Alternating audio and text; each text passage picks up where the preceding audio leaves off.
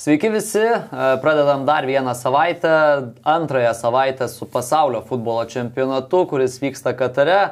Aš Lukas Gintautas, šalia manęs Arūnas Klimavičius ir šiandien vėl jau tradiciškai esame pasirengę jum papasakoti apie tai, kas vyksta pasaulio čempionate ir žinoma, kaip jau ir tampa mūsų vizitinė kortelė, papasakoti ir panalizuoti apie tam tikrus epizodus iš kiekvienų rungtynių, įvarčiai, nuošalės, dvikovos, žaidėjų taktiniai įsidėstymai ir kiti dalykai. Arūna, ar turėsim šiandien ką papasakoti?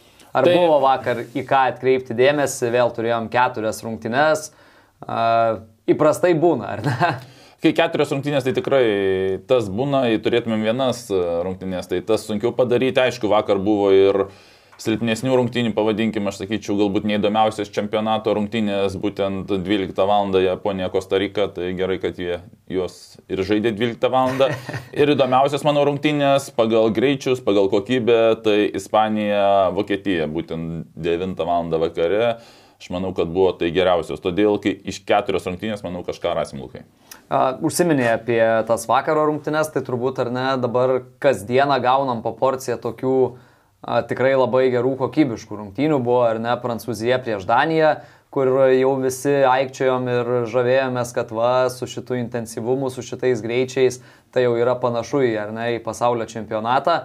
Tai Vokietijos ir Ispanijos dvikova turbūt buvo kažkas labai labai panašaus, ar gal netgi kitiems pagal skonį, gal net ir geriau, ar ne? Pripažinkime, kad čempionų lyga yra stipriausia lyga čia, uh, pasaulyje, todėl uh, tie futbolininkai Ispanijos, Vokietijos ir žaidžia būtent tame ligmenyje, dėl to čia tik turnyro pavadinimas kitas, bet futbolininkai tie patys, o įsivaizduokime Japoniją ir Kostarika, na, futbolininkai nėra kviečiami į čempionų lygą ar čempionų lygos komandos, dauguma futbolininkų gal išskirtiniais atvejais, todėl suprantame, kad kai futbolininkai žaidžia truputį, sakykime, pavadinkim, žemesnėme lygyje, na, atvažiavus į pasaulio čempionatą, tu ne, nepašauksi virš bambus ir nebe, nebe, nedemonstruosi tokios kokybės ar greičių. Galbūt taip, jei komanda pasitaikys silpnesnė, tavo bus komanda, tavo tas žaidimas tą dieną bus na, aukštesnis negu galbūt ir įdomesnis, bet principas tas, kas vis dėlto futbolininkų uh, klubai ir parodo tai, kokiame futbolininkas lygmenyje ir jeigu jis žaidžia,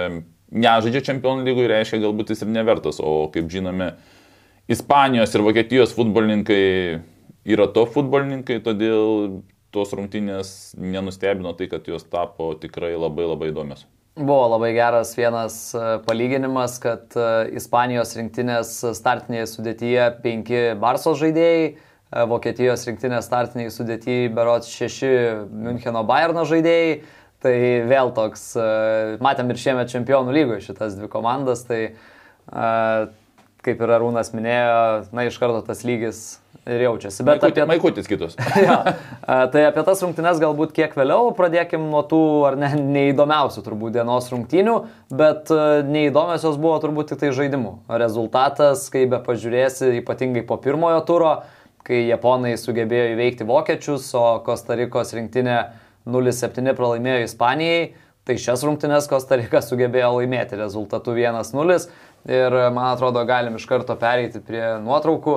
Tai opta mūsų sekamas puslapis, užsimantis analizėmis irgi štai parodo, kur aikštėje lietė kamolį per šias rungtynes Kostarika. Tai 628 kamolio lietimai ir iš tų 628 lietimų viso labo 2 yra varžovų baudos aikšteliai. Tai mes kartais nustembame, kai su dviem smūgiais pelnomas įvartis, tai čia įsivaizduokim, kad jie du kartus aikštelėje lietė kamuolį. Čia neįtikėtinai mažas procentas, na, stebuklas tai gali tokiais atvejais padėti pelnyti įvartį, nes, na, jeigu pažiūrėsim, nu, dar prie 16 vienas, kitos tai apie 22 metrus, net aplink net 16 net nėra, ne tai, kad aikštelė, bet aplink 16 dar klausimas, du lėtimus vos randam, taip kad su tokiu lėtimų skaičiumi, dar tai, kad pelnė įvartį, na, japonai tikrai. Vienintelis smūgis į vartų plotą, du lėtimai baudos aikšteliai, pelnytas įvartis, tai iš tikrųjų atrodo įspūdingai, bet čia vėlgi turbūt reikia kalbėti ne kiek gera buvo Kostarika, bet kiek galbūt nuvylė Japonai, kur atrodė ar ne pergalė prieš Vokietiją, aiškus planas žaisti nuo gynybos ir ieškoti savo galimybių kontratakose, tai prieš Kostariką susidarė toks įspūdis, kad Japonai irgi norėjo žaisti lygiai taip pat ir žaisti tuo pirmu numeriu ir siekti pergalės jiem buvo per sudėtinga. Aš manyčiau, kad apskritai po pirmojo etapo iš vienų rungtinių labai sunku yra vertinti, ar tai yra silpna komanda, ar tai yra labai stipri. Todėl per mažas tas, sakykime, tarpas, kad realiai įvertinti, va, dvi, trys rungtynės, galim susidaryti brėžą, net jeigu komanda, sakykime, neišeina iš grupės, bet, pavyzdžiui, tris rungtynės pademonstravo gerą žaidimą, tai supranti, kad, na, komanda atvažiavo į čempionatą pakankamai geros formos, taip, nepavyko kažkas, bet uh, rodė žaidimą, bet po vienų sakyti, kad viskas tą, tą komandą nurašyti arba išgirti labai pavojinga. O jo, tai kaip ir sakiau, Japonija susidarė įspūdis, kad žaidžia taip pat, daug kamulio kontrolės, bet pralaužti Kostarikos gynybos niekaip nepavyko, bet mes turbūt prie to dar pereisim. Kitas pasiruoštas kadras yra būtent iš to mūsų jau apkalbėto Kostarikos rinktinės įvarčio. Aišku, tam tikra nelaimė turbūt reikia sakyti nutiko Japonijai šioje vietoje klaidelė, prarastas kamuolys. Ir čia verta paminėti gynėjo perdavimą, kuris bandė perkelti polėje atraminiui saugui, kuris tuo metu žiūrėjo į savo vartus. Aplink matome keturi futbolininkai, na, pusantro, dviejų metrų netikslus perdavimas, kas dabar ir buvo, jis nebuvo 5 metrai, 7 metrai netikslus, jis buvo šiek tiek netikslus, bet tai, kad uh, Kostarikos futbolininkai buvo aplink, uh, na taip vadinama, mes vadinam, užpylė atraminį, kaip šunių kaulą numetė ir, ir sukis to kamuolį daryk, ką nori. Nu, tai matome, kad bando jisai pat katu dar ten išmušti, bet uh, tas kamuolys per toli perimamas kamuolys ir, ir gynėjas po to, kuris net nesitikėjo to perdavimo, dešinysis gynėjas kampe, kur matome.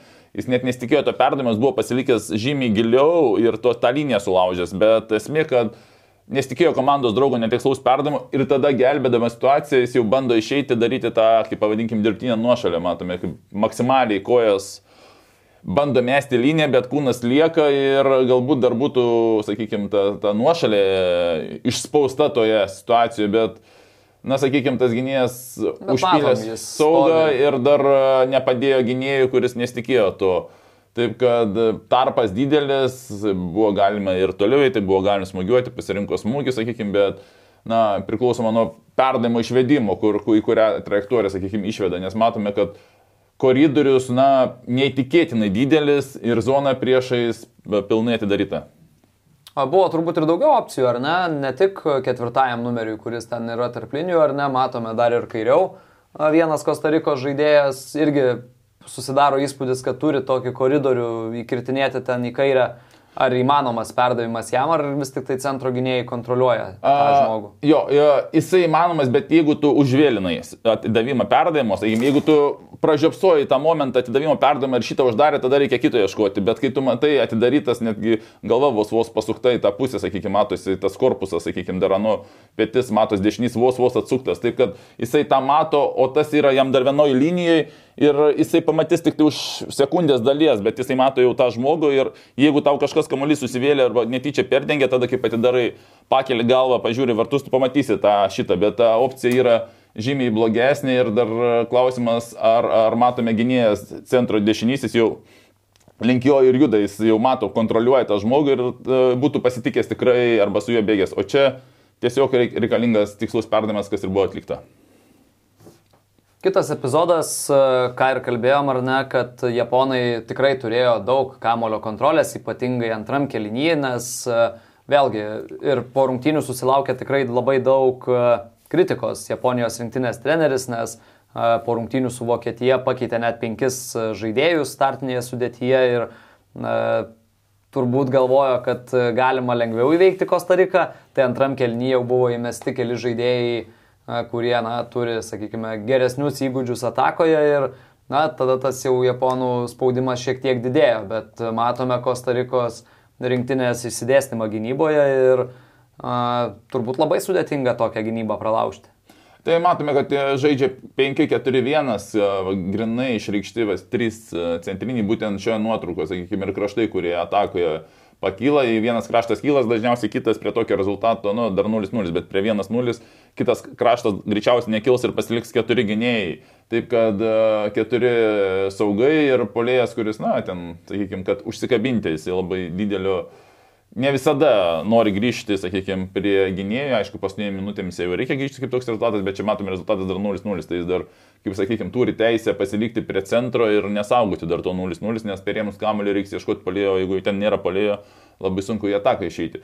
Todėl be abejo, tos silpnesnės dažnai naudoja penkių, jį yra pralaužiama, bet reikia pakankamai, kad greitai kamuolys vaikščiotų individualus meistriškumo. Uh, Žodžiu, ją yra sunkiau pralaužti, ko japonams ir nepavyko, bet tai ta taktika nėra nauja, taip jinai yra gynybinė, sunku, bet įmanoma. Man yra labai gerai įsiminus tavo frazę, kai kalbam apie lietuvišką futbolą mūsų podkastuose, kad e, perėmus kamolį dar reikia 90 metrų nubėgti į varžovo aikštės pusę, ypatingai taip žemai ginantis ir neveltui užsiminė apie 12 numerį, kad jis yra paliktas. Uh, Tai perėmus tą kamolį vis tiek turbūt labai sudėtinga, ar ne, dar nukeliauti iki varžovo vartų. Tai čia lygiai tas pats, lygiai ta pati frazė tinka ir, ir šiems rungtynėms. Tai mesgi matėme tavas duomenys lėtimus. Tai kiek buvo padaryta aikštelė lėtimų, nes kuo arčiau aikštelės, tų lėtimų skaičius mažėja, nes 2-3 perdavimai ir galbūt japonai jau ties centro perima, už centro. Taip kad iki aikštelės e, tikrai, nes, nu įsivaizduokime, gauna dabar kraštinis kamolį, tai kokia jam opcija va, dabar, jeigu praradus kamolį? ieškoti atraminio, bet čia trys yra japonai, ieškoti šitą permetinėt, kas yra geriausia, bet jiem reikia užsikabinti, gynėjai paspaus. Taip kad e, nėra daug variantų iš kaip 80 metrų prieš tave ir dar tavo, sakykime, priešininkai yra arti tavęs, tai reikia nuo 3-4 perdavimų, kad eiti iki aikštelės ir tie, tie skaičiai, tie statistika mes puikiai matom, kad uh, Kostarikos futbolininkams tas nesigavo. Pabaigiant apie Japonijos rinktinės trenerį ir jo pasirinkimus, tai yra Harime Morijasu. Jis, kaip tavo arūna yra tokiuose čempionatuose, kaip tau atrodo, jis e, po rungtynių sakė, kad e, mūsų laukia labai intensyvios rungtynės su Ispanija, turime e, susikoncentruoti į tas rungtynes ir būtent todėl pasirinkau tokią taktiką, būtent todėl atlikau tuos keitimus startinė, startinėje sudėtyje. Mhm. Ir manau, kad būtent to reikėjo Japonijai. Ar tu mhm. manai, kad tokiuose čempionatuose, kai realiai taškas čia prieš Kostariką mhm. Japonam veikiausiai būtų atvėrę kelią jau į kitą etapą? Ar manai, grupėje yra vieta taupytis paskutiniam rungtynėm, mhm. galvoti apie tas paskutinės rungtynės, kai dar nesužaistas antras? Aš atsimenu iš savo patirties žaidžiant Rusijoje. Yra Vladivostokas toks miestas, kur reikia skristi apie 10 valandų iki tenais ir uh, ta komanda stovėjant iškritimo ir um, iš Dinamo nevažiavo gal kokie 3-4 lyderiai, nes po Vladivostoko buvo lokomotyvo, sakykime, principinis varžovas. Tai galutiniam variante be 3-4 lyderių nuskridom iki Valdovostoko pralošiam tenais ir su lyderiais vis tiek pralošiam prieš lokomotyvą. Tai trys taškai jie nesvarbu prieš kurią rinktinę Ir e, čia vyksta čempionatas kas keturi metai ir visa šalis žiūri. Todėl jeigu dar čempionatė, sakykime, iš dalies ten galim pateisinti, nors ir tai 3 taškai prieš paskutinę komandą ar prieš, 3 prieš varžovą vis tiek yra 3 taškai. Ir dar, dar reikia laimėti ir prieš to, sakykime, pas, paskutinės komandas. Todėl e, tokie žodžiai kažkaip nelabai man e, suprantami, čia neilgas čempionatas, kur gali dėliotis, čia galbūt trys rungtynės ir tie futbolininkai apskritai daugiau nežais čempionatus, ar to trenerio nepamatysim tam čempionate sekančių sekančiam pasaulio čempionate, todėl gal kartais kai kuriems futbolininkam ar treneriam čia apskritai yra vienas kartas gyvenimo šansas pa, pa, pa, sužaisti, todėl su to, nesuto, netaupyti reikia, o nežinau, daugiau atsistatomųjų priemonių, sakykime, nu, ne, nebejoju, kad kas ir yra, bet reikia iš tos pusės turbūt labiau žiūrėti, negu į aikštę neleisti. Nu, čia aš keistokas pavadinčiau trenerio argumentas, pasteisimas, išvedžiojimas. Ir turbūt iš šito rezultato daugiausiai laimėjo Vokietijos rinktinė, kuri turbūt Japonų sėkmės atveju būtų labai susikomplikavusi savo situaciją, nes kaip žinom, vėliau neįveikė Ispanijos, bet dabar vokiečiai viską dar kaip ir kontroliuoja, tai pasižiūrėsime. Prie tų rungtynių vėlgi, kaip ir sakiau, pereisim. Prieš pereinant prie kito, kitų dienų, dienos rungtynių tarp Belgijos ir Maroko, galime priminti mūsų žiūrovam, kad mūsų partneriai yra Santa Marija Traškučiai. Su druska vėl turime padažų. Arūnai, kuris tau padažiukas geresnis? Vakar su sūriu valgiau, tai čia žiūriu meksikietiškas. Nežaidė, nežaidė meksikanė. Ne, Meksikai jau žaidė. Lažybos, lažybos, lažybos, OptiBet. Dalyvavimas azartiniuose lošimuose gali sukelti priklausomybę. Taigi, a, galime pereiti prie Belgijos ir Maroko rinktinių akistatos, ar ne? Ir nežinau, a, da, atrodo dar viena staigmena, ar ne? Bet turbūt, kad žiūrint į abiejų rinktinių žaidimą, a, žiūrint į pirmasias rungtynes, kai belgai vargo su Kanada ir mes net kalbėjome apie tai, ar ne, kad gaila Kanados, kuri neiškovojo taško tą kartą, a, kalbėjome apie Maroką, kad irgi tai yra kokybiškus futbolininkus turi, rink- turinti rinktinė ir matome, kad Marokas iškovoja pergalę 2-0, tai arūnai kaip tau rungtynės. Be abejo, tokio rezultato turbūt labai nesitikėjom, nors iš principo iš belgų labai kažko šiame čempionate, man atrodo, mes ir nelaukiam. Nes jeigu praeitais metais tam Euro 21, sakykime, metų čempionate e, jau tada, kaip buvo kalbas, kad galbūt tai paskutinis e, e, paskutiniai metai, kai ta auksinė Belgijos karta gali kažką laimėti, tai jau tais metais kalbėjom, šiais metais dar vienais metais rinkinė paseno, nes e, tikrai buvo ir yra geri futbolininkai, bet, nu, amžius vis tiek duoda savo žinoti. Ir e, pats Debriunė irgi labai kažkokių tikslų e, futbolininkas nekelia, kažkaip taip labai ramiai vertina tai, kas vyksta, kaip ir tikėdamasis kažko panašaus, galbūt vertinas realiai tą visą situaciją, matydamas iš vidaus. Ir aš dar radau čia tokią įdomią statistiką, kur parodo, jeigu aš, man atrodo, pirmame epizode minėjau, kad kuo tu labiau sensi, sėdi arčiau savo aikštelės ir, giniesi ar ką. Tai a, dar vienas mano skaičiai, sakykime, kalba tiesą, kad a, yra dar toks rodiklis, kiek tu susigražini procentaliai kamulio trečioje zonoje. Tai reiškia, tu praradai, greitai atakuoji. Tai reiškia, tu esi fiziškai pasiruošęs, tu netgi jeigu praloši, tau reiks bėgti, tu esi pasiruošęs, nes jeigu tu praradus kamuolį atgal sėdi, tai tas sėdimas yra pakankamai vidutinio greitumo tempe, bėgant link savo aikštės pusės, užsiemant zonos, neįkvojant jėgų presingų, kuris kartais pavyksta, kartais nepavyksta, prisiminkime. Tai dėl to, kuo tu mažiau turi jėgų, tuo sėdi greičiau atgal, pavadinkim, ir lauki klaidos. Tai a, būtent kelintą vietą, paminėsiu, Belgijos rinktinė užimdavo tarp visų čempionate dalyvaujusių rinktinių pagal šį rodiklį.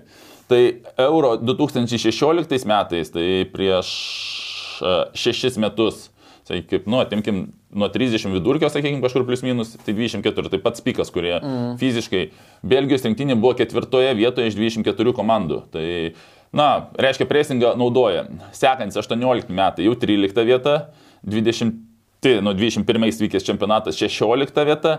Ir šiuo metu Belgija yra, na, nu, aišku, tik po pirmo turo šie duomenys yra, tai 27 vieta iš 32 komandų. Tai reiškia, tik tai penkios komandos mažiau atima su presingu aukštai. Nu, tai Kostarika įsivaizduokim, tai, nu, ten iš vis neatima, nu, tai jau viena mes Kuri net- komanda. net- turi. net- Net net- nebando, kuri net jo. nebando, turbūt net nebando. Tai procentas nukrito nuo, jeigu procentaliai žiūrėt, eina žemiau 303, 26, 25, 23, tai trečdalių mažiau negu, sakykime, prieš šešis metus. Tai dar kad parodo, kad rinktinė sensta, fizinės kondicijos dinksta po truputį ir be abejo su trenerio nurodymais. Sakoma, kad nepresinguojam, o grįžtam atgal zonas ir laukiam savo kamulio. O kai kamulį vėl perimi savo pusę arčiau, reikia toliau bėgti vėl irgi dalis fizinių savybių naudojasi, todėl tas rezultatas stebina, bet labai belgų, kaip ir pasikartosiu, nelabai kažko iš jų ir tikėjomės. Ir man atrodo, turbūt esminis dalykas, kad e, patys belgai tą atrodo supranta. Užsiminė apie Keviną Debriuinę, jis po rungtinių pasakė, mes esame per seni, mes, mes negalim. Taip, po kūrinų rinktinius nesuprato, kodėl davėme jam. Taip, taip, taip. Tai a, nežinau, ir iš karto paskui komandos treneris Martinezas a, sakė, kad ne, čia komanda neįsižeis, a, ką pasakė Debriuinė. Aronai, kaip ta būtų, jeigu sakytų tavo komandos draugas, ar ne, tu būtum e, gynėjas ar ne, vyresnis, e, kaip ir yra Belgijos rinktinėje ir tavo didžiausia žvaigždė, tavo rinktinės lyderis po rungtynių, nesėkmingų rungtynių išeitų su tokiu pranešimu. Ma, mat, matot, dar vyksta kas, ta prasme, yra dar ir rūbiniai, ir, ir kambariuose, sakykime, futbolininkai patys kalbasi ir ta atmosfera juntama. Tai aš nemanau, kad jis vienas ryte atsikėlė sugalvojo tą pasakyti. Ta prasme, tai plius minus yra perduodama grupės futbolininkų informacija į viešumą. Nes jei tu vienas susigalvosi tokią informaciją, tai po to gali keletą futbolininkų atvirkščiai pasakyti ir gaus toks nesusipratimas. Todėl, kaip tu perduodi informaciją tokia į viešumą, tu perduodi grupės informaciją futbolininkų. Mm. Ir e, tai yra tokia, reiškia, tokia atmosfera yra komandoje. Tai treneris, aišku, ten turi savo užvedimais, galbūt jis neturi teisės tokiais žodžiais kalbėti. Ir klausimas, ant kiek jis bendrauja, ant kiek realiai vertina situaciją, sakykime. Bet ne visada futbolininkų ir trenerių nuomonės tampa, nes treneris, nu, kaip ir maksimalistas tiki, bet futbolininkai atvažiavę pradeda žiūrėti viską, kas kaip gaunas, kas, kokia atmosfera ir galbūt e, tai neatsiknai yra pasakyta, tiesiog tokios nuotaikos Belgijos rinktinėje. Ir šiaip labai bus įdomu, belgam liko paskutinės rungtynės su Kroatija, kroatai kol kas e, žygiuoja užtikrintai, Marokas irgi dabar prieš belgus laimėjo, tai Belgijos šansai žengti kitą etapą tokie šiek tiek komplikuoti. Ir turbūt man dar vienas dalykas, kuris labai įstrigo, tai kad Belgija praleidus tos įvarčius taip ir nieko daugiau ir nebesukūrė. Iš esmės nebuvo kažkokio nei tai lemiamo šturmo, nebuvo bandymo žudbūt užlipti. Na, gal ir buvo bandymų, bet paprasčiausiai Marokas neleido. Tai mes galim pereiti prie situacijų, kurias išskyrėme po vakarykščių rungtynių ir tai yra situacija, kai nebuvo įskaitytas Maroko įvartis, baudos smūgis, toks kaip beveik perdavimas, kaip pusiau smūgis. Ir esmė, kad niekas iš Maroko rinktinės žaidėjų kamulio baudos aikštelėje ten nelėtė. Bet įvartis vis tiek nebuvo įskaitytas. Arūnai, kodėl? Buvo fiksuota nuošalė, ar ne, nors Robertas Aisas kamulio apskritai net nelėtė. Taip, kai, sakykime, kamulio trajektorija yra nuošalė stovintis futbolininkas, įvartis yra neužskaitomas, nes tai trūkdė vartininkui teisingai sureaguoti kamulio trajektoriją. Nu, jeigu prieš tave stovi žaidėjas ir jis pasilinkė paskutiniu metu, tu suprantama, kad, na, kaip minimum nepagausi kamulio. Taip kad čia viskas teisinga ir sekančiame momente, bet aš dar noriu atkreipti dėmesį, kad toksai momentas, kur tuo jau buvo. Va toks va momentas ir sekantis bus labai panašus. Mm. Ir jeigu jungsim sekančią skaidrę, Uh, būtent, Čia irgi baudos smūgis. Būtent smūgis. Aš atsimenu, vienas treneris yra sakęs prieš sezoną, sako, susitarėm vartininkai taip.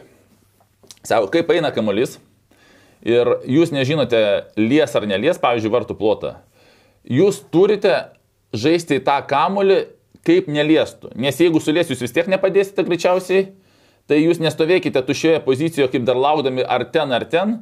Jūs tiesiog žaidžiate tą kamuolį kaip kad polies neliestų, jeigu jis įmuša su galva, nu, sakykime, arčiau užkiša, aš jums pretenzijų neturiu, jūs negalėjot padėti. Bet jeigu jis pasilenkia ir kamuolys įskrieja, tai jūsų yra kaltė, nes aš reikalauju, kad jūs žaistumėte tik trajektoriją skriejantį kamuolį. Ir pirmajame, pirmoje trajektorijoje, sakykime, kur tau nepadėjo ir galbūt uh, antra, antra situacija lygiai tokia pati iš kito krašto, truputį sudėtingesnė taip, bet vėl jisai tikėjosi galbūt lėtimo, jis apskritai pametė vartus, čia ir santykinai pametė vartus, poziciją iš pradžių pasirinko neteisingą, per daug centre, nes, nu, kaip ir matome vis tiek, kamuolys yra prie krašto ir, yra, ir matome dar priekyje trys uh, futbolininkai stovintis uh, Maroko, taip kad yra tikimybė, kad bus paduodama ant jų, nu, pakankamai didelė, nes čia du bėgantis, sakykime, ten trys stovintis. Tai tikimybė, kad ant prie, priekios pirmo virpsto bus paduota yra pakankamai didelė. Todėl aš manau, kad jeigu jis būtų vienu žingsniu arčiau stovėjęs, jis būtų padėjęs e, komandai ir neįsukęs iš tokio nulinio kampo nuo nu vieno žingsnio dešiniau arba vieno žingsnio, sakykime, į priekį link tos pusės e, situacija būtų kardinaliai pasikeitusi.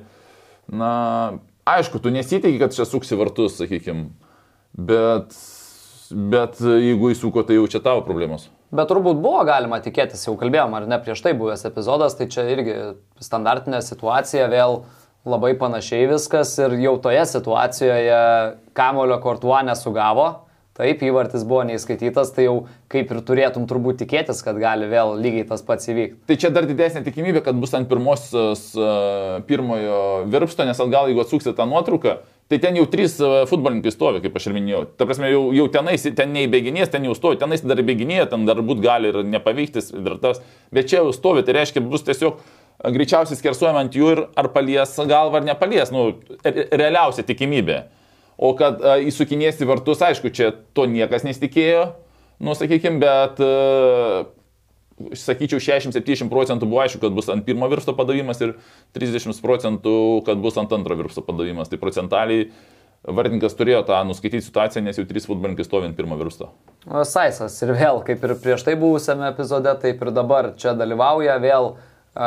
Kažkuria prasme ir vėl, ar ne, kliudo vartininkui, vartininkas pilnai nemato visko, Ir šiame epizode galbūt stop kadre atrodo, kad gal ir lietė kažkiek Saisas kamuolį, bet to nebuvo, kamuolio jis nelėtė ir baudos smūgį atlikęs žaidėjas. Tai va čia va ta taisyklė, kur vienas treneris yra minėjęs vartininkams, va, kamuolys jeigu neliečia gynėjo, tu žaidė tą kamuolį ir negali praleisti. Jeigu jis būtų palėtęs, ar taip ar taip jis būtų nepadėjęs, o dabar nepadėjo, nebūtų padėjęs stipriai ir jų būtų lietęs, o dar ir praleido praktiškai nuo kampinio vėliavėlės. Uh, įvartį. O kaip arūnai galvoja šitoje situacijoje, Saisas, jisai e, norėjo liest kamuolį, bandė jį liest, ar e, čia gal irgi yra susitarimai, ar ne, kad... E, ne, čia bandai liesti. Bandai liesti. Jo, bandai, jisai ranką matome truputį už nugaros palikęs, kad netyčia ranką nesimuštų ir, ir kamuolys labai nepatogus į galvą nesužaisti, tai čia su pilvu, su krūtinė bandai tą kamuolį, nes kai tu esi tokioje situacijoje, tas matom, vartininkas krenta, tai čia tikimybė, kad į vartininką pataiks yra pakankamai didelė. Tu, tu galbūt kaip žemas eina į tolimą gali praleidinėti, bet čia matome vartininko kokią nu, struktūrą ir kamulio trajektoriją, nu, tikrai didelė tikimybė, kad e, vartininkas padės.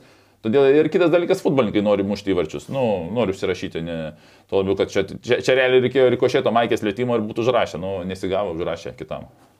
A, taip, kita situacija, a, kaip ir minėjome, Belgija kažkokio labai savo kontrargumento didelio neturėjo ir vėliau galų gale pelnė ir antrąjį įvartį. Tai čia viskas nuo ko prasidėjo. Situacija vartininkas a, išmuša kamolį iš savo baudos aikštelės.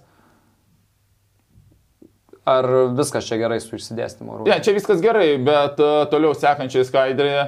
Uh, čia tas įvartis, kaip visą laiką sakau, po vienos klaidos nebūna įvarčio dažniausiai.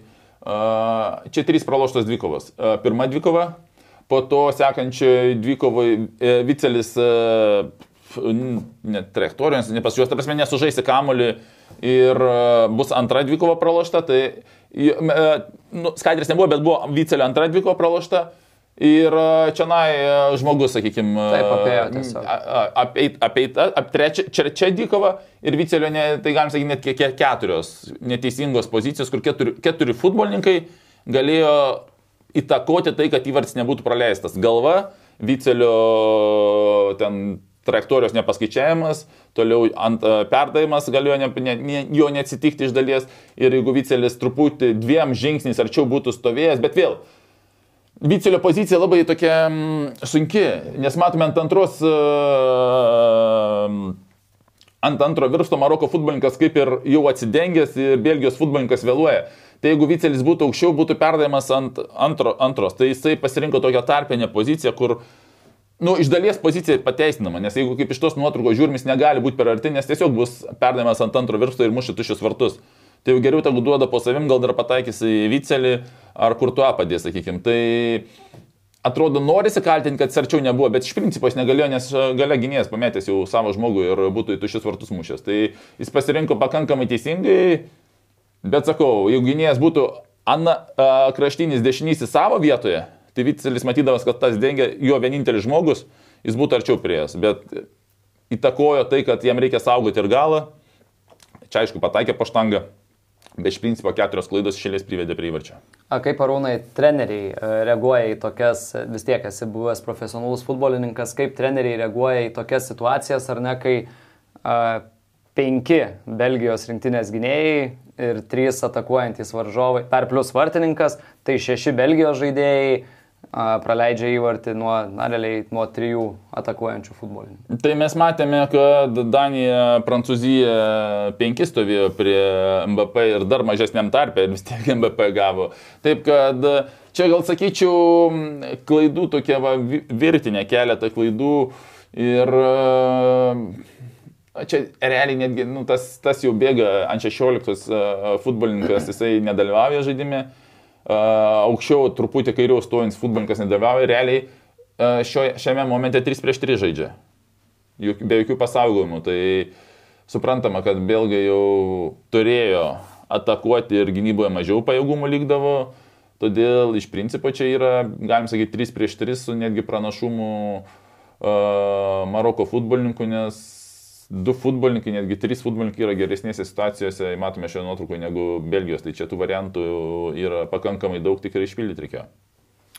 Kitos grupės rungtynės - Kroatija prieš Kanadą. Kanadiečiai pirmieji išsiveržė į priekį, su skambiais pranešimais, su skambiomis frazėmis atvyko į šias rungtynes, kad kai pralaimėjo Belgijai, kad tiesiog plošime Kroatiją ir tai yra viskas.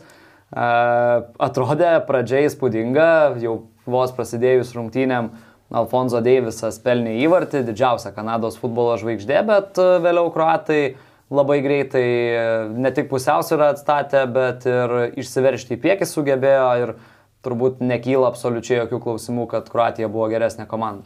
A, tikrai taip ir pakankamai rezultatas e, didelis, bet kaip ir praeitame podkastė, Kroatijos tikrai futbolininkai iš didelių gerų klubų ir e, apžaidžia, sakykime, nu, kaip čia pavadinkim, jaučiasi komfortiškiau tokiuose rungtynėse, kai pas tave patirtis pakankamai yra didesnė, sakykime, negu Kanados futbolininkui. Ir šiuose rungtynėse jie tikrai įrodė, kad tie didelis klubai suteikia tą kažkokį pranašumą būtent tuose situacijose, kur reikia įspręsti, kur lemia centimetrai ar, ar sekundės dalis.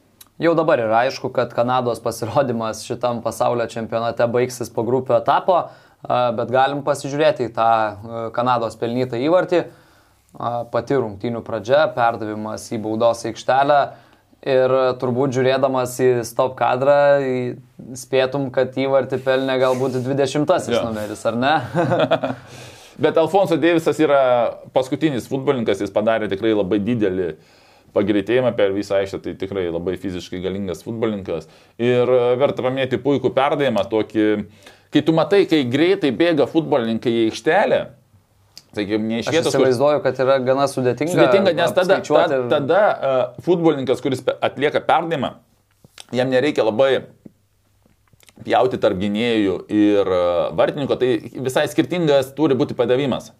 Nes uh, čia padavimas bus centrinė pėdos dalimi, toksai užmetimas į aukštesnį tašką, suprantat, kad futbolininkai bėgantis greityje įgauna pranašumą ir at, gali atlikti didesnį šuolį. Nes kai tu iš vietos ten pirm, bėgiant pirmos ar tenais kažkur reikia tarp, tada tu duodi tokį suktą tarp vartinių gynėjų. Čia realiai pad, pad, padavinėjančio futbolininko tikslas yra pakelti kamuolį ant 11, kas ir buvo atsitikę Na, metras, du metrai virš gynėjų galvų. Ir e, Antonijo Deivisas, sakykime. Alfonso. Alfonso, Alfonso uh, uh, Deivisas įsibėgėjęs, atliko puikų šuolį ir gynėjui labai mažai šansų. Nu, matom ir tas ūgis jo apskritai yra mažesnis prieš Alfonso Deivisą. Taip kad, uh, ma, nu, man realiai su pečiu bandė. Nu, jis šviesais tam taške didelių tikimybių neturėjo sužaisti, nes iš pradžių jis bėgo veidų į savo vartus. Ir, na, čia prieš traukinį papuoliai, nu, tu nieko ten prieš traukinį nepadarys, nes perdavimas dėl toj trajektorijai, kur Deivisas bėgo, na, kaip ir minėjau, pakeli metrą virš galvos, plus minus, pataiko žingsnį ir gynėjas, nu, neturi sustabdyti didelių šansų va tokio lėkiančio traukinio. O kaip galvoja, Rūnai, perdavimo metu būtent į Alfonso Deivisą ir koncentravosi komandos draugas, ar vis tik apie tą žmogų galbūt galvoja, uh, kurį minėjau? Va, kaip ir minėjau, kartais nereikia koncentruotis į vieną futbolininką. Iš dalies, kadangi du futbolininkai buvo panašioje trajektorijoje 2 metrų tikslumu, nu, atstumu, tau reikia tiesiog pakabinti kamuolį pakankamai tokio normalioje trajektorijoje, gynėjų virš galvos metras pusantro. Taip, kad kaip kabinė tokį kamolį ir du prieš du buvo tenais jau toje vietoje. Ir dar vienas futbolininkas Deivisas, kuris įsibėgėja, sakykime. Tai yra tikimybė didesnė, kad ant Deiviso būtent darė. Nes jį matė, sakykime, nes tam pirmam, sakykime, jis, jam nebuvo tokio greičio, reikia kitokios perdavimo trajektorijos, kur, kaip minėjau, pradžioje truputį tarp gynėjų ir vartininkų, kur stipresnė. O kai tokiam greitai tu gali kabinti centrinė pėdos dalimi truputį aukštesnį ir būtent tas greitis, bėg, kuriuo bėgo Deivisas, suteiks kamuoliui jėgą, energiją. Todėl yra du skir keletas skirtingų trajektorijų, bet kaip tu matai, kai futbolininkas greičiai bėga, tau nebūtina stiprios trajektorijos. Tau tiesiog reikia padaryti, o jo bėgimo greitis suteiks kamuoliui tai, uh, pagreitėjimą ir matome iš iš 9 metrų muštų, tai pakankamai tolimas atstumas, bet ant tiek greitis didelis jau buvo. Ta labai inercija. Smūgis, jo, tai stiprus. Nors perdavimas nebuvo ten kažkoks jau labai stiprus. Tiesiog ta inercija bėgimo suteikė kamuoliui pagreitį. Šiaip labai gražus įvartis, bet kaip jau minėjome, Kanadai pergalės tai negarantavo, negarantavo net taško. Andrėjus Kramaričius jau buvo pelnęs įvartį dar prieš šį epizodą, bet tada tas įvartis nebuvo įskaitytas. Bet e, čia jau kalbame apie situaciją, kai kruatai rezultatą išlygino, Kramaričius e, tą įvartį pelnė. E, tai yra pirmas kadras, tada antras kadras, kai jau Kramaričius yra išvedamas ir atlieka smūgį. Kas šioje situacijoje, Rūnai, su Kanados rinktinės gynyba yra blogai, ar čia yra tiesiog kruatų meistriškumas, labai geras aikštės matymas, į patį kampą tarp na, keturis žaidėjus realiai pjaunantis perdavimas, kur šio įvarčio kabliukas. Jo, būtent prieš Kramaričių stovintis futbolininkas kaip ir teisingai pozicijoje stovi, nes jam neduod, neleidžia atlikti perdavimų, bet tas meistriškumas sužaidimas per trečią, čia kažkas panašaus į krepšinę derinį, kai centras stovi prieš centrą stovi kitas centras, neduoda jam tiesiai duoti, bet sužaidžia per trečią ir gauna už nugaros. Tai čia į krepšinio derinį labai panašu, aišku, krepšinio derinių futbolininkai net derinėje, bet jeigu pažiūrėsim, lygiai tas pats, kas, na, nu, ir krepšinė vyksta per trečią išveda prie, prie krepšinio, čia išveda prie vartų. Todėl iš pradžių tas futbolininko pozicija yra teisinga, bet galtiniam išėjimas per trečią, o per trečią skaitosi vėl aukštesnis meistriškumas, dažnai būna ir futbolo treniruotėse pratimai žaidžiam per trečią, nes mes dviese galim pasuoti, o bet kaip reikia per trečią tave surasti, yra sudėtingiau. Tai kuo aukštesnis lygis yra ir per ketvirtą galim iš dalies surasti. Būna, kai vienas duoda perdavimą, bėga palį liniją ir per trečią, ketvirtą išleidžia, ta prasme, čia iš vis yra futbolo grožis bet užtenka ir per trečią išleidimo, kad pakankamai gražiai atrodytų. Todėl, kadangi tiesiai perdavimo nebuvo, per trečią išleido, zona atsidarė. Na, ten į tolimą, gal ten buvo dar galima, man atrodo, perdavimą atlikinėti tarp vartininko ir gynėjų, bet kai futbolininkas įmuša, ten klausimų nebėra, tada dar, dar turėjai perdavimą daryti ar nebe. Ir turbūt esminis dalykas, kaip tai yra efektyvu, kaip stovėjo pirmame kadre. Čia teisinga. Keturi ir už sekundės. Kanados rinktinės žaidėjai Ir kitame epizode irgi jie labai panašiai stovi, tas žaidėjas, kuris prižiūrėjo Kramaričių, turi judėti šoną ir... A... Ir tenais e, Perišičiaus puikus perdavimas e, surado Kramaričių ir, ir, ir po to jam beliko užbaigti, bet esmė, kad jis susikūrė zoną iš, sakykime, už, iš uždarytos pozicijos, kur jis nedalyvavo žaidime, bet per trečią zoną atsidarė.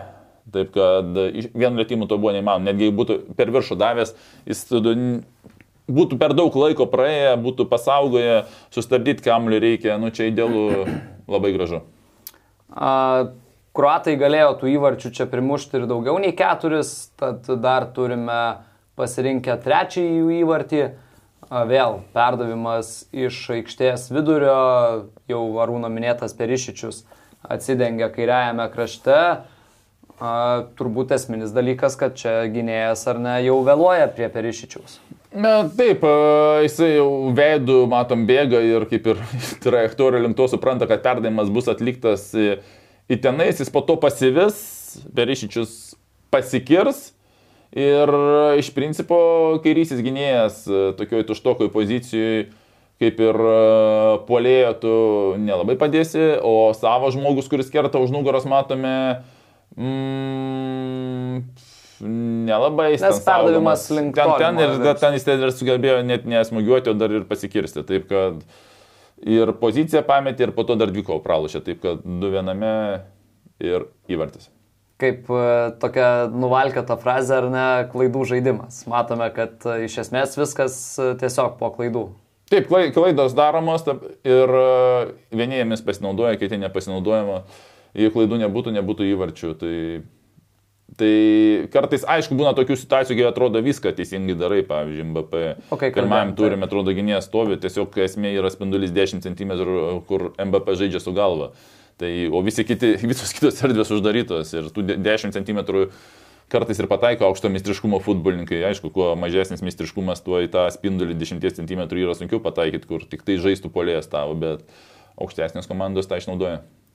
Ir paskutinės e, dienos rungtynės jau tai, apie ką mes kalbėjome, tai nuo ko pradėjome iš esmės e, šią laidą, tai yra Ispanija, Vokietija, vienas vienas pasibaigė rungtynės. E, kaip tu arūnai galvoji, kalbėjom šiaip apie tai, ar ne, kad buvo intensyvu, buvo daug energijos, buvo labai daug veiksmo tiek prie vienų, tiek prie kitų vartų, buvo daug greičio, Bet ar rezultatas tavo nuomonė yra teisingas ir desningas, ar vis tik tai matai, kad kažkuri komanda galbūt turėjo ryškesnį pranašumą ir, ir e, galbūt labiau nusipelnė pergalės nei lygiųjų? Aš manau, kad rezultatas desningas. E, abi komandos, na, panašiai, sakykime, tą kamolį, kaip sakyti, kontroliavo, laikė. Taip, kad intensyvumas pakankamai didelis, taip pat aš plačiau pagalvojus tikrai verta pažymėti ir gynėjų darbą. Ta prasme, nebuvo ten kažkokių labai netikslių perdavimų, atrodo viskas gaunasi, bet iki tos paskutinės fazės, na, nenueina tiek, kiek nueitų su žemesnio lygio komanda. Taip kad nors tas žaidimų galbūt ir nebuvo labai matomas tie gynėjai, nors iš dalies Vokietijos ten tikrai ir Raumas puikiai sužaidė ir kitoje pusėje Kereris, taip kad uh, kažkiek buvo matomi, bet, prasme, vis tiek tu labiau atkreipi atakuojančius futbolininkus. Nes ir pagalvoji, bet va, kaip darai analizę, tada, sugalvoji, tada pradedi galvoti ir apie gynėjus, sakykime, nes kai futbolą žiūri, visi, visi žiūri atakuojančius, nebent ten koks gynėjas ten penkius kartus iš eilės ten kamuolį išmuša pat katu ir, ir dar iš, iš, nuo tušių vartų ištraukia. To reikia gynėjai, kad pastebėtume. Tai kaip žiūri tą futbolą, taip paprastom akim visą laiką užsiakcentuoja poliai.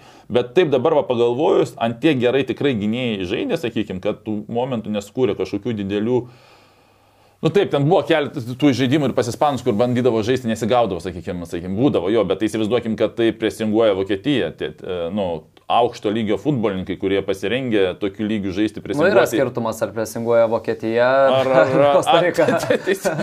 Tik, tikrai taip yra. Ir kuo tu vyresnis, ar, ar Belgija netgi. ir kuo vyresnis, tuo arčiau. Todėl va, tikrai verta paminėti ir, ir būtent tų gynybų, net ne gynėjų, galbūt gynybos darbą. Taip kad tikrai buvo labai labai aukšto lygio žaidimas su mažai klaidų. Na, toks čempionų lygos pusnulio mačas. toks, jo, kur tikrai ne grupė etape, ar ne, tikėtumės, norėtum turbūt net ir tokį finalą galbūt matyti. Tai aš manau, kad e, finalas gali būti ir netoks įdomus, net, nes vis dėlto atsakomybė dar didesnė, nors ir čia Vokietijai buvo labai didelė, bet principas, kad ne faktas, kad ir finalas bus toks, toks įdomus net. Jo, tai e, mušė įvartį vokiečiai, Rudigeris pelnė įvartį galvą, labai stiprus smūgis, bet įvartis nebuvo įskaitytas ir vėliau jau ispanai pelnė teisingą įvartį, pelnė įvartį, kuris buvo įskaitytas ir prie jo teisėjai neturėjo kaip prikipti. E, aikštėje vos pasirodė Salvaro Morata. Sugebėjo įvartį pelnyti ir... OptiBet, lažybos, lošimo automatai, ruletė, kortų lošimai, stalo lošimai. OptiBet, OptiBet. Dalyvavimas azartiniuose lošimuose gali sukelti priklausomybę. Čia e, yra situacija ir Arūnas, stebėdamas rungtynes, iškart vakar parašė Lukai, reikia kadro, kaip Ziulė yra nusisukęs nuo Moratos ir reikia kadro, kai jau yra pametęs poziciją. Tai čia vienas e, yra iš karto. Sekantis, ne? Tai man pradėkime nuo to. Jo, būtent. Uh, ir dar sekantį parodyk. Jo, tai palik pirmą dabar. Esmė, uh, atrodo viskas paprasta, 3 prieš 3 žaidžia taip. Padaryti iš krašto perdavimą, nu, kol kas nematau, kur daryti iš tikrųjų, nes tu nesupranti, kur Marata dabar bėgs. Prasme, taip, perdavimą atliko. Žordelba. Žordelba, jo. Tai jisai pasiruošęs, kadangi perdavimą turi, Labai- variantų labai daug, turi. labai turi, tai variantų, kad jis nedarys perdavimo yra mažai. Reiškia, jisai darys perdavimą. Sekantis, kur daryti perdavimą? Mm, nu, galima že, žemesnio lygio futbolininkas darys tušiai tarp vartininkų ir gynėjų, tikėdamas, kad atspės ten, kur bėga polėjas. Žemesnio lygio futbolininkas darys. Na, tiesiog pasimės ant kairės ir darys. Nu, sakys, nu, aš dariau gerą, tu nespėjai. Neužbėgai. Neužbėgai, tu kitą kartą užbėg ten, kur aš darau. Polės sakys, tu daryk ten, kur aš bėgu. Tai abu du jausis teisūs, bet e, komanda bus be įvarčio. O čia yra aukšto mistriškumo futbolininkai, labai aukšto. Ir dar, na, Lukai, gražink dar truputį.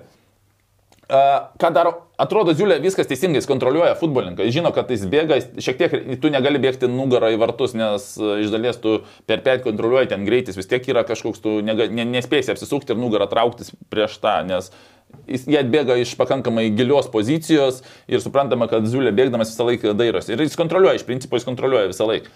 Bet tada Morata, ta prasme, irgi atrodo, čia yra vaikų pratimas, bet kai rodai ant antros bėgiant pirmos arba bėgiant pirmos, ar pradžioje bėgiant pirmos, po to nubėgiant antros. Bet iš principo tas vaikų pratimas, ta prasme, ta detalė vaikų, kur duoda futbolė, jis tik tai Morata parodo, kad ant antros bėgs, o, o Žordė Alba teisingai, jis laukia. Jis žino, kad kažkada vyks atsidengimas ar ant pirmos, ant antros, kad Morata nėra tūpas polėjas, kuris tiesiog bėgs ties ir tikėsis perdavimą, kad jam į koją atsimuš ar į galvą pataikys. Jis ieškos arba pirmos, arba ant antros. Tai žodžiu, Morata ką daro? Jis parodo du žingsnius ant antros, kad bėgs. Nes uh, Ziulėki bėgdamas mato, kad futbolininkas kol kas tiesiai bėga, jis mato tiesiai ir bėga ant antros. Jis pasisuka ant antros ir kol jis pasisuko, galvos pasukimas lėmė tai, kad atsitiko įvartis. Kaip jis pasuko, Morata greitai pakeitė kryptį ir uh, startavo ant, pirmo virpsto. Ir toliau sekantis. O va čia va irgi pasukęs galvą. Ir, ir va čia va, dabar sekančia nuotrauka. Viskas. Morata yra ant pirmos, ta prasme, bet kuris perdavimas ant pirmos, ant nu, pirmo viršo, tai gali perdavimas būti ant 11, ant ant 10, ant 9, ant 8, ant 7, ant 6 net metrų. Tie visi perdavimai žemi, aukšti, nu, geriau čia žemą, nes realiai matome, kad uh, žemas praeina. Tai čia yra jo kamuolys. Zuleka gali, nu, maksimum bandyti pat kartu sužaisti tą kamuolį, sakykime. Tai viskas, pozicija prarasta vien dėl to, kad žmogus galvą pasuko. Galvą pasuko, 0,1 sekundės prarado, Morata jau pirmas ir viskas. Ir jis, jis kerta supranta, kad iš dalies pozicija pra- prarasta, belieka, kad pagelbės vartininkas arba nepavyks perdavimas. O jisai, nu, su pat katu gali ten tikėtis, kad dar padėsi. Bet jeigu tokio aukšto lygio futbolininkai, Moratos greitis didelis, tas pat katas jau nebelabai padeda. Ir Tai dar išbandė Ziulė ten krist po kojom, bet jau... Tai bandė, bet jis jau viskas. Bėgo tikėdamas, kad kažkas kažkam nepavyks. Tai jis jau nebedalyvavo žaidime, tam žaidime jis nebedalyvauja viskas. Jie apgavo, jis suprato, kad jį Moratą apgavo iš durė. Aišku, reikia ir Žordė Albai. Čia... Tai čia vėl, sakau. Duoklę, fantastiškas perdavimas. Taip, tušęs, tušęs toksai vidutinio lygio žemesnio futbolininkas būtų jau anksčiau daręs. Bet kur, ta prasme, jis išlaukęs, jis žiūrėjo iki tol, kol Moratas dengs, nes tu žinai futbolininką, kaip sakau, jis turi kažkur atidengti, ar rodys ant pirmos ir bėgs ant antros, ar rodys ant antros, bėgs ant pirmos. Tai jis turi išlaukti to.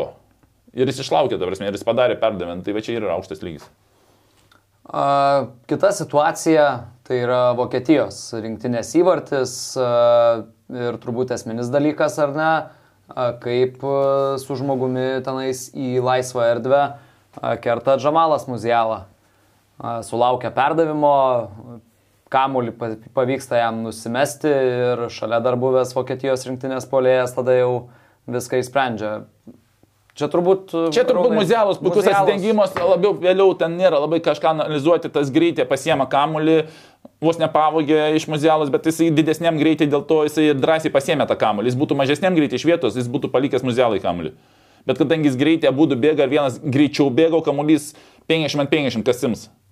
Ne, ne, dar nežinojo tuo metu, kas jums, nes muzialą irgi tikėjosi su kamuoliu mesti. Bet tas didesniam greitį jis prasimeta ir muzialą ten lieka už nugaros, nes tas didesniam greitį ir tam patogesnė pozicija. Tai gerai, kad dar nepamaišė ten iš, iš jaunatviškumo, sakykime. Bet, nu, bet čia irgi meistriškumas, nu, arba ten nekyša būtų du kojas susitrenkė su kamuoliu. Taip kad e, čia labai kažko didelės, kažkokios analizės nepadarysim, viskas teisingai, geras atidengimas, o po to paliko kamuolį tas, kas didesniam greityje.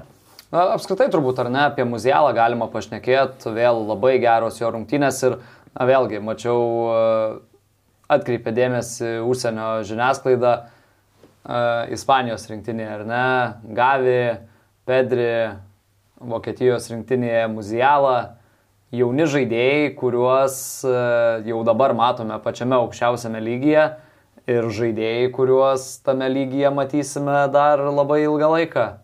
Tai, turbūt... tai va, va, va čia va ir vėl tas dalykas, ta prasme, kaip tu keli reikalavimus, imkim, vėl sulyginkim su Lietuva. Jeigu ten Lietuvo jaunas iki, nežinau, 23-25 metų ir dar tikimės perspektyvos, ta prasme, į priekį, kad jis 28 užžais. Tai...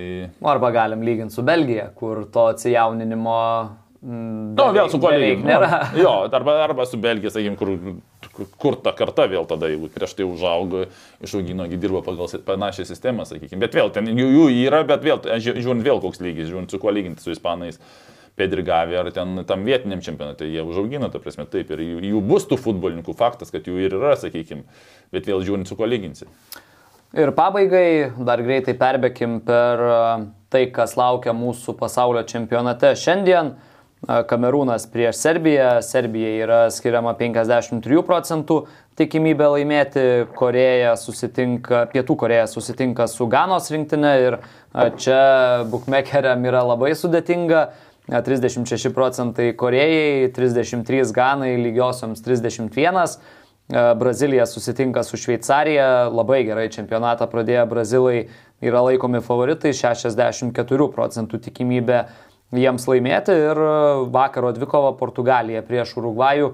Portugalai irgi yra laikomi favoritais, 47 procentai. Arūnai, į ką šiandien pats ruošiesi kreipti didžiausią dėmesį? ko labiausiai laukia gal? Tai manau, kad nu, vis tiek nes. Ar tu sergi už brazilus, ar nesergi už brazilus, juos kaip bebūtų įdomu žiūrėti.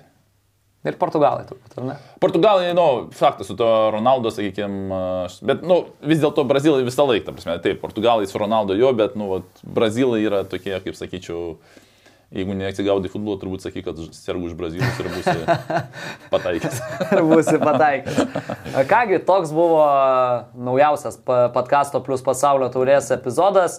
Šiandien dar krūva futbolo. Arūnas Klimavičius, aš Lukas Gintautas. Santa Marija, Traškučiai, Sportas LT. Ačiū visiems žiūrėjusiems ir iki kitų kartų. OptiBet, lažybos, lošimo automatai, ruletė, kortų lošimai, stalo lošimai. OptiBet. OptiBet. Dalyvavimas azartiniuose lošimuose gali sukelti priklausomybę.